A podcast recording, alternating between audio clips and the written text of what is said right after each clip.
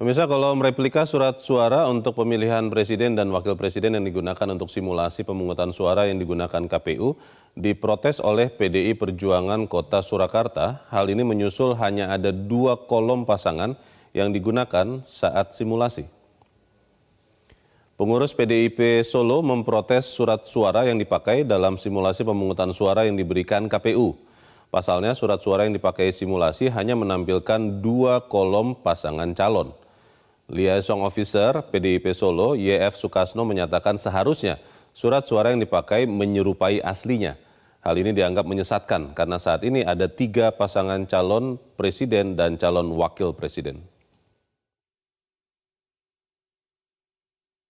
Ini yang dipakai untuk simulasi. Simulasi itu kalau di dalam Kamus Besar Bahasa Indonesia adalah berlatih yang betul-betul mendekati realita yang sebenarnya. Ini dua generasi berbeda saja mempertanyakan. Artinya ini enggak clear.